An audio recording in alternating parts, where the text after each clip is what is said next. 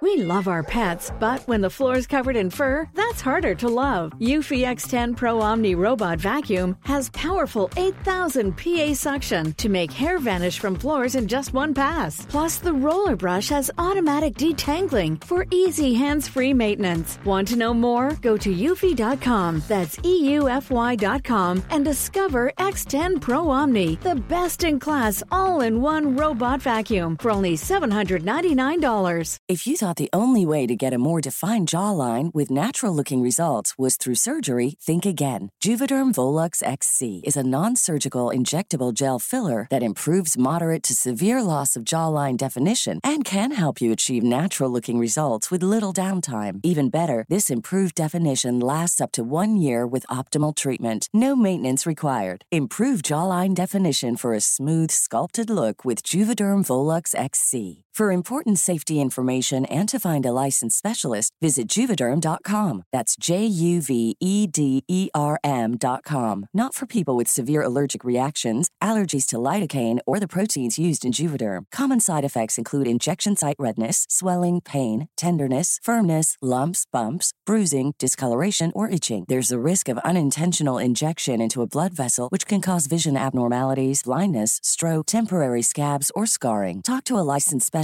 to find out if it's right for you. Ryan Reynolds here from Mint Mobile. With the price of just about everything going up during inflation, we thought we'd bring our prices down. So to help us, we brought in a reverse auctioneer, which is apparently a thing. Mint Mobile unlimited premium wireless. Have to get 30, 30, bit to get 30, bit to get 20, 20, 20, bit to get 20, 20, bit to get 15, 15, 15, 15 just 15 bucks a month. So, Give it a try at mintmobile.com slash switch. $45 upfront for three months plus taxes and fees. Promo rate for new customers for limited time. Unlimited more than 40 gigabytes per month. Slows. Full terms at mintmobile.com. En 17-årig pojke står utanför sitt hus. Han har varit på en fest där han skulle övernatta, men eftersom hans föräldrar hade bråkat mycket den senaste tiden så ville han åka hem för att se till så att ingenting hände. När han öppnar dörren till huset så kan han se sin styvpappa sitta vid köksbordet, till hälften medvetslös och i hans vanliga kläder. Det var konstigt, tänkte 17-åringen. Klockan är tre på natten. Varför är han inte i sin pyjamas? Men det är egentligen inte det konstigaste. Han kan känna lukten av något bränt och se rök i luften. Han frågar sin styvpappa vart hans mamma är och styvpappan svarar Din mamma är nere i bastun.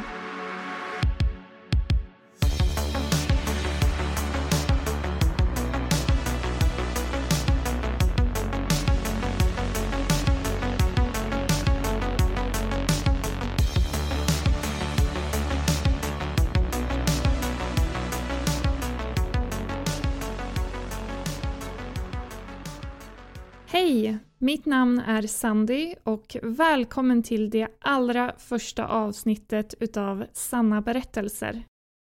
I den här podden kommer jag göra mitt bästa för att ta upp fallen du mest troligt aldrig har hört talas om.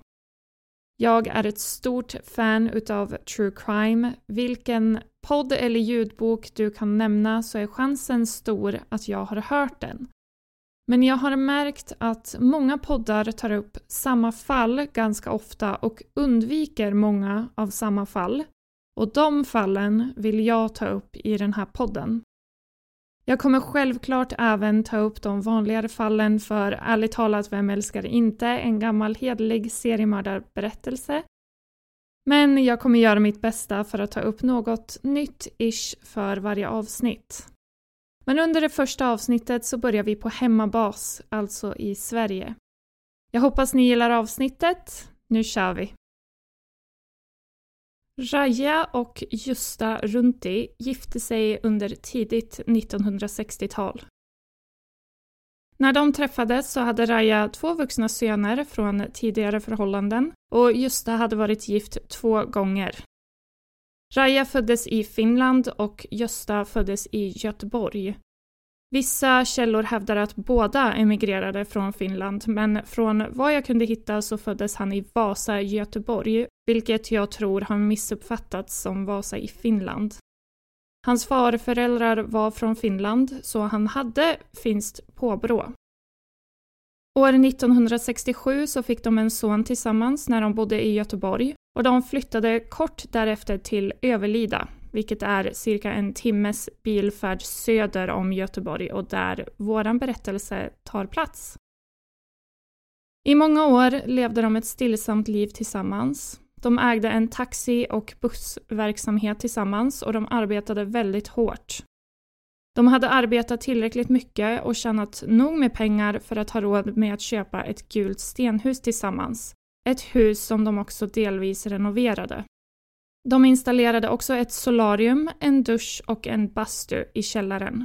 Bastun skulle bli välanvänd och användes ofta av Raya. Hon använde bastun nästan varje kväll, men speciellt så använde hon den på lördagskvällar. Hon missade aldrig att basta på lördagar. Gösta brukade använda den tillsammans med Raja ibland, men han hade inte samma rutin som hon hade. Jag vet inte exakt när, men någon gång mellan 1976 och 1984 så började Raja arbeta deltid och vara sjukskriven deltid. Företagen var otroligt tidskrävande och enligt Gösta så hade paret diskuterat om de kanske skulle sälja taxiverksamheten och bara behålla bussverksamheten, vilket Raja, enligt Gösta, verkligen ville då det skulle ta mycket av arbetslasten av från henne. Under början av 1984 så började Raja ringa sin äldsta son tidigt på morgnarna innan Gösta hade klivit upp. Hennes son berättade senare att hon ringde honom och berättade om den psykologiska tortyren som Gösta utsatte henne för. Hon berättade att hon kände sig väldigt förtryckt av Gösta och att allting alltid skulle ske på Göstas villkor. Så i maj 1984 fick han Raja i kontakt med den lokala kvinnohjälpen, vilket Raja senare skulle tacka sin son för och säga att det var det snällaste någon någonsin hade gjort för henne. Hon berättade för Kvinnohjälpen att hon inte klarade av Gösta längre och att hon ofta kunde känna sig fysiskt illamående på grund av den psykologiska och fysiska misshandeln Gösta utsatte henne för. Kvinnohjälpen uppmuntrade henne att ansöka om skilsmässa och fixade till och med boende som hon och hennes yngsta son kunde flytta till. Datumet för flytten skulle ske måndagen den 2 juli 1984. Aftonbladet intervjuade Jenny Jerstone som forskar om olika typer av våldsbrott och hon sa att hotet om en separation är en av de största riskfaktorerna för dödligt våld i romantiska relationer. Hon sa att ett möjligt scenario är att mannen känner sig så förnärmad av att kvinnan vill skiljas att han kanske faktiskt vill mörda henne. Så jag tänker att jag kommer berätta Göstas historia först, sen tar jag historien om vad som faktiskt hände.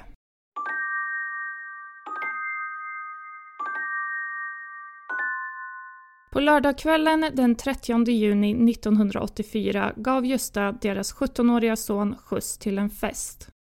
Deras son visste inte säkert om han ville stanna på festen och övernatta i ett tält eller om han ville åka hem senare. Så de planerade att sonen skulle ringa senare om han ville ha skjuts hem.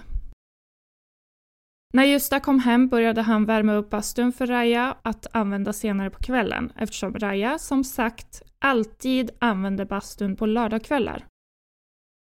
Medan bastun värmdes upp så åt de middag tillsammans som var pannkakor med hallonsylt och tittade på en serie på TVn. Sedan gick Raja ner i källaren för att gå in i bastun. Så allt jag precis berättade var sant och nästa del är Göstas ursprungliga berättelse. Raja kom tillbaka upp från källaren och sa att bastun inte var tillräckligt varm ännu, så hon satte sig ner och fortsatte titta på TV med Gösta. Efter en stund så blev han sömnig och gick och la sig medan Raja fortfarande tittade på TV.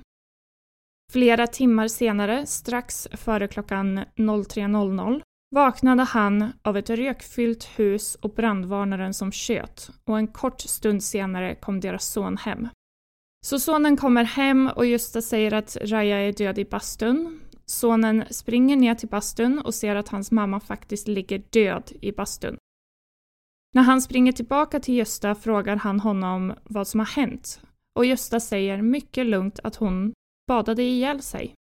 Sonen frågar då om han har ringt någon och Gösta säger bara att han inte har gjort det eftersom han just hade hittat henne själv. Sonen tror inte på sin pappa vid det här tillfället och är faktiskt ganska rädd för honom. Så istället för att stanna i huset för att använda deras telefon så springer han till närmsta granne för att låna deras telefon och ringa nödtjänsten.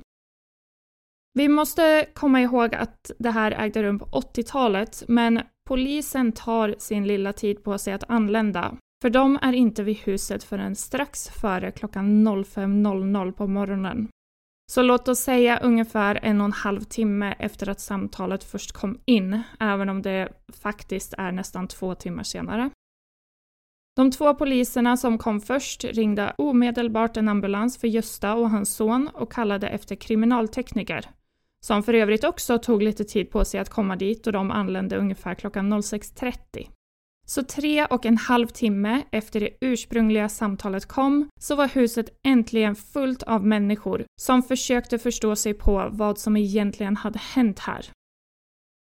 Omedelbart misstänkte de att det här var en brottsplats och att Raya inte dog av en olycka. När de går in i bastun så kan de se att Raja ligger på en av sängarna i bastun med båda armarna över huvudet. I avsnittets beskrivning så kommer jag att inkludera de källor jag har använt för det här avsnittet. Och de källorna har skisser av källaren och bilder av den faktiska bastun där de har placerat en docka istället för Raja. Så om du är nyfiken på vad jag menar så kan du titta på dem. I den rättsmedicinska rapporten noteras på bröstets framsida visar huden att de externa blodkärlen har brustit och det finns en brun missfärgning över hela hudlagret. Dessutom finns en cirka 30 cm stor öppen brännskada på höger hand. De noterar också att Raya kämpade intensivt för att försöka ta sig ut ur bastun. De vet detta av två huvudsakliga skäl. Det första är att hon hade kroppsskador som visade att hon bokstavligen försökte klösa sig ut ur bastun. Och det andra skälet är själva bastun. Det fanns tydliga rivmärken på insidan av dörren och hon hade lyckats dra av en del av bastusängen som hon sedan använde för att försöka banka ner dörren. Så nu kanske du undrar varför ingen hörde det här. Hörde inte någon granne det här? Grannarna hörde inte det av två skäl. Först och främst så var det mitten av sommaren, så många grannar var inte ens hemma. Och det andra skälet är att de inte bodde särskilt nära varandra. Men Gösta då? Säkerligen så måste ju han ha hört någonting. Ja, det tyckte polisen också. Så vid 12.15 på eftermiddagen den 1 juli på sjukhuset där Gösta och hans son hade tagits för undersökningar blev Gösta arresterad misstänkt för mord. I flera dagar förhördes han och han nekade intensivt att han hade någonting att göra med sin frus död. Anledningen till att han inte vaknade när hon kämpade för sitt liv var att han hade druckit alkohol och tagit några piller, så han var helt borta och ingenting skulle ha väckt honom. Vid det här laget hade ett vittne läst om mordet i tidningarna och snabbt så kontaktade han polisen. Källor skiljer sig lite här om det var tre personer som var ute och körde eller om det var en man som var ute och gick med sin hund. Men hur som helst så märkte en man att det kom mycket rök ur skorstenen, vilket var konstigt den tiden på natten. Så han började knacka på dörren för att se om någon var vaken. Här varierar källorna också, men kort därefter så öppnade Gösta antingen garagedörren eller så pratade han bara genom ett fönster på framsidan och sa att det inte var något att oroa sig för och att han bara brände upp lite skräp. Men efter fyra dagar av förhör med bevis som samlades emot honom så gav Gösta äntligen efter och erkände att han hade mördat sin fru. Och han började berätta vad som hade hänt. Något att notera är att han initialt inte erkände att han faktiskt hade planerat mordet utan snarare att han hade bestämt sig för att döda henne samma natt och att han hade drabbats av en minneslucka. Det skulle senare bli tydligt att det var en lögn på grund av bevis i bastun. Så jag tänker att jag kommer berätta historien från allra första början när han började förbereda sig för mordet.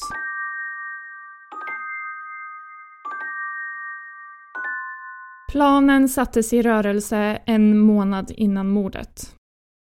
När han i maj fick reda på att Raja ansökte om skilsmässa så blev han så rädd att hon skulle ta företagen och pengarna med sig att han inte såg något annat alternativ. Hon var tvungen att dö.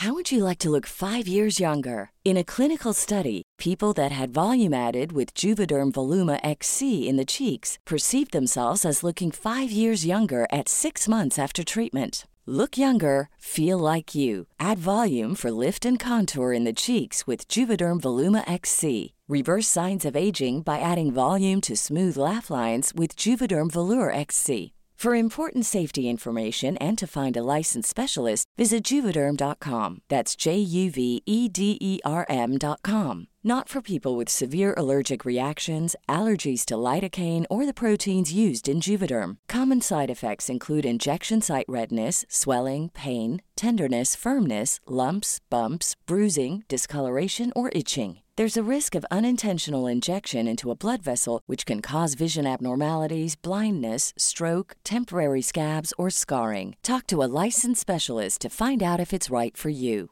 Ryan Reynolds here from Mint Mobile. With the price of just about everything going up during inflation, we thought we'd bring our prices down.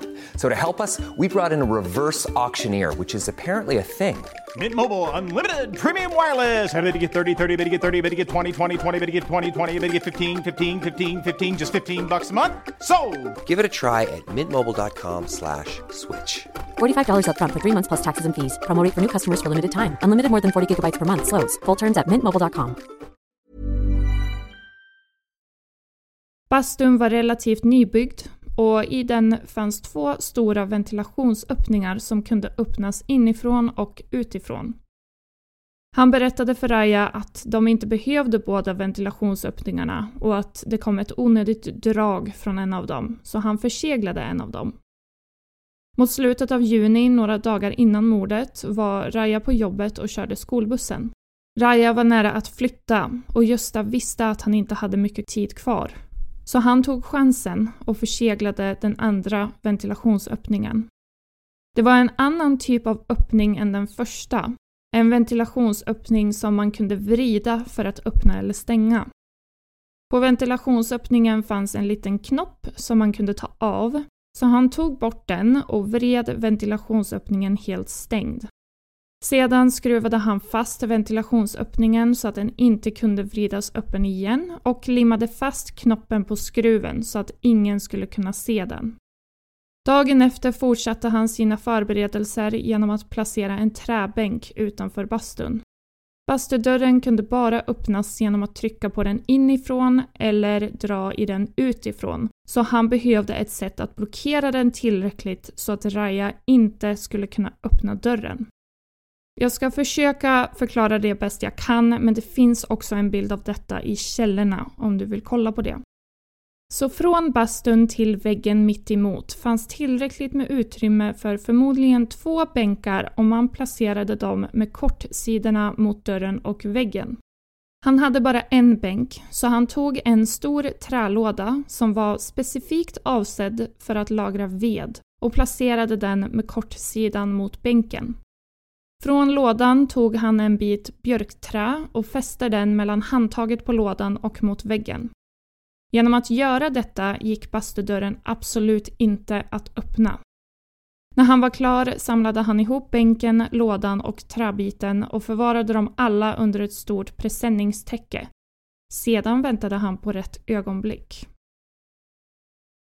Den 30 juni skulle Raja och Justas son, som var den enda andra personen som bodde i huset med dem, gå på en fest som också innebar övernattning.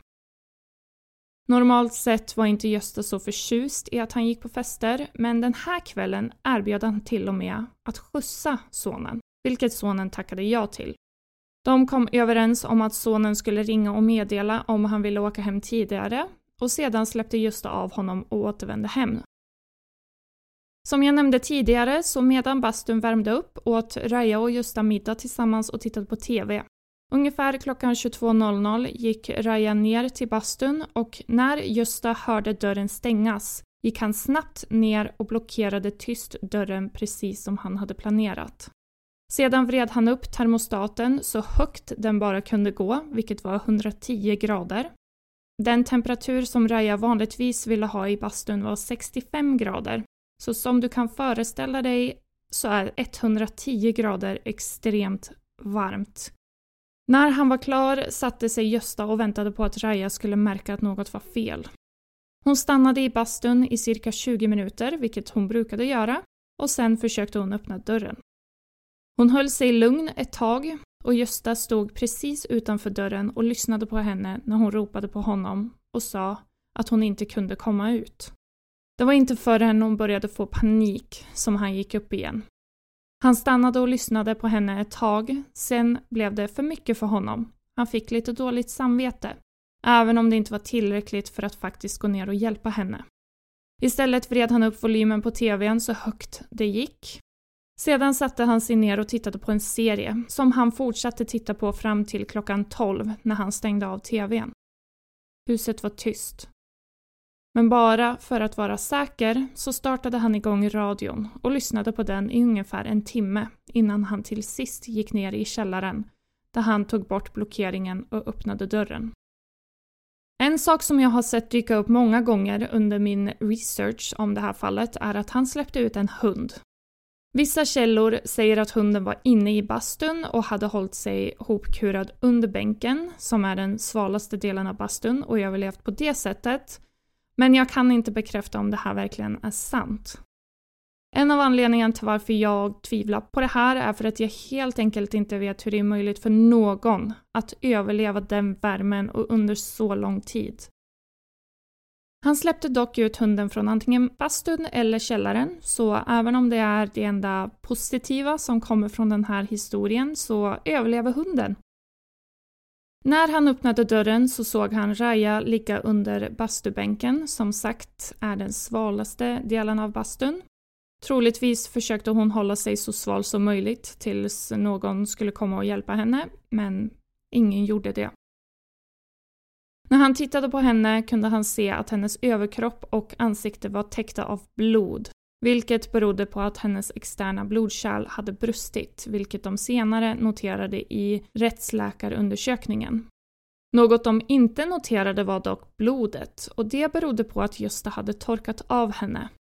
Exakt varför han gjorde det vet jag helt enkelt inte. Kanske fick han igen lite dåligt samvete.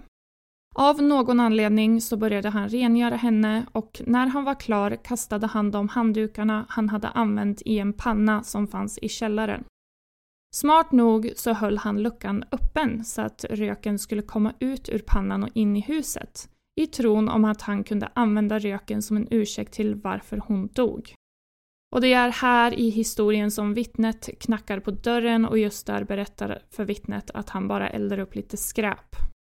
Efter att han hade pratat med vittnet så gick han antingen tillbaka till källaren och stängde luckan till pannan eller så stannade han uppe. Källarna ger lite olika berättelser av vad som hände. Men han satte på tvn igen och somnade med huset fyllt av rök. Efter en stund vaknade han av att sonen kom hem igen och vid det här laget var han ganska förvirrad. Som man skulle vara om man var i ett rökfyllt hus. Vilket kan förklara varför han genast berättade för sonen att Raja var död. Eftersom det här var något han ville komma undan med. Han behövde komma undan med det om han skulle behålla företagen och pengarna. Men istället så avslöjade han sig själv och misslyckades med sin ursprungliga plan trots sina bästa ansträngningar.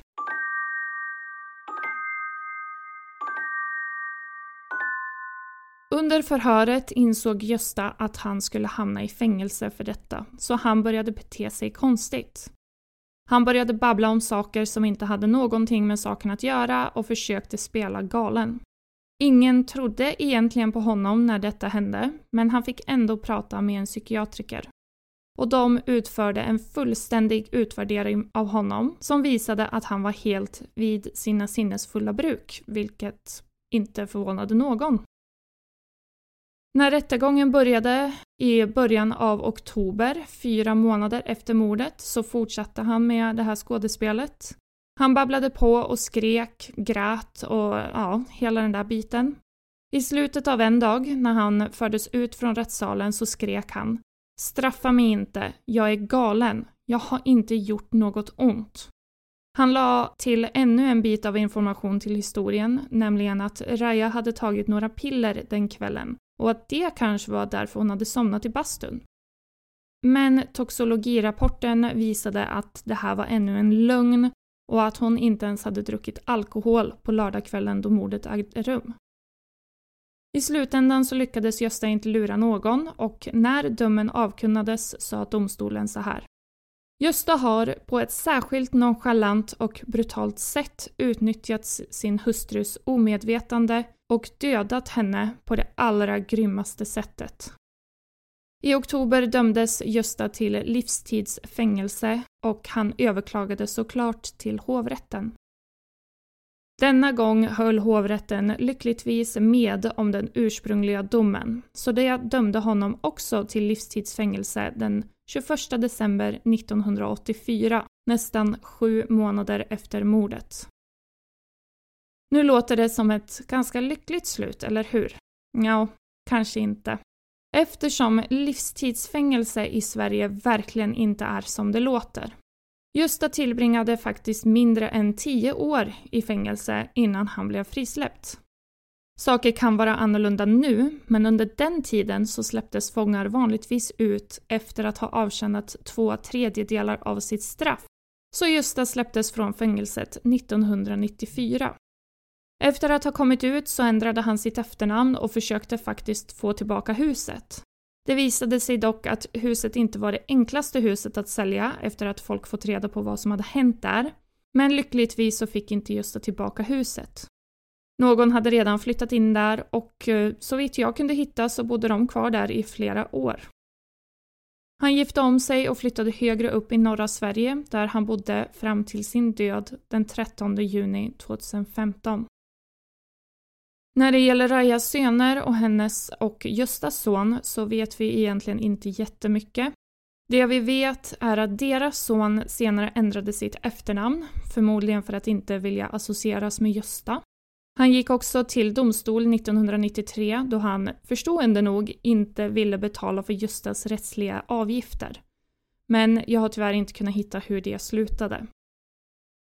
Hennes äldsta son, som var den som fick henne i kontakt med kvinnojouren, hade planerat att besöka henne dagen efter mordet för att prata om den pågående skilsmässan. När han kom dit så möttes han av polisen som berättade för honom hur hans mamma hade dött och han bröt ihop.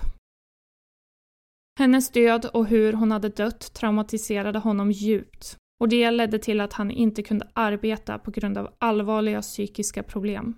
Han stämde senare staten för skadestånd, en rättsprocess som han förlorade, men liknande Gösta så överklagade han fallet till hovrätten som i sin tur beviljade honom skadestånd värde 100 000 kronor, vilket motsvarar mellan 160 och 200 000 kronor i dagens pengar. Det var det. Det var bastumordet. Som verkligen, för att uttrycka det enkelt, är ett fall om familjevåld som slutade fruktansvärt. Så hemskt och upprörande som mordet var så kan jag inte riktigt släppa den så kallade livstidsdomen. Efter att han blev frisläppt så fick han spendera 21 år som en fri man och han fick gifta om sig och leva sitt liv. Och det är verkligen inte mycket annorlunda nu. Tydligen kan man nu efter att ha avtjänat 10 år ansöka om ett nytt straff där de berättar exakt hur mycket tid du kommer att ha kvar i fängelset. Personligen så tycker jag att livstid borde vara resten av ens liv, men jag vet inte, vad tycker ni? Och vad tyckte ni om det första avsnittet av Sanna berättelser? Jag är supertaggad på framtiden med den här podden. Jag vill verkligen satsa stenhårt på det här. Nästa avsnitt blir något som en del av er kanske redan har hört talas om, men det är ett sånt maffigt fall att man lär sig alltid något nytt om det ändå. Så jag ser fram emot nästa avsnitt och jag hoppas att du gillade det här. Tills nästa gång, tack så mycket för att du lyssnade. Hej då!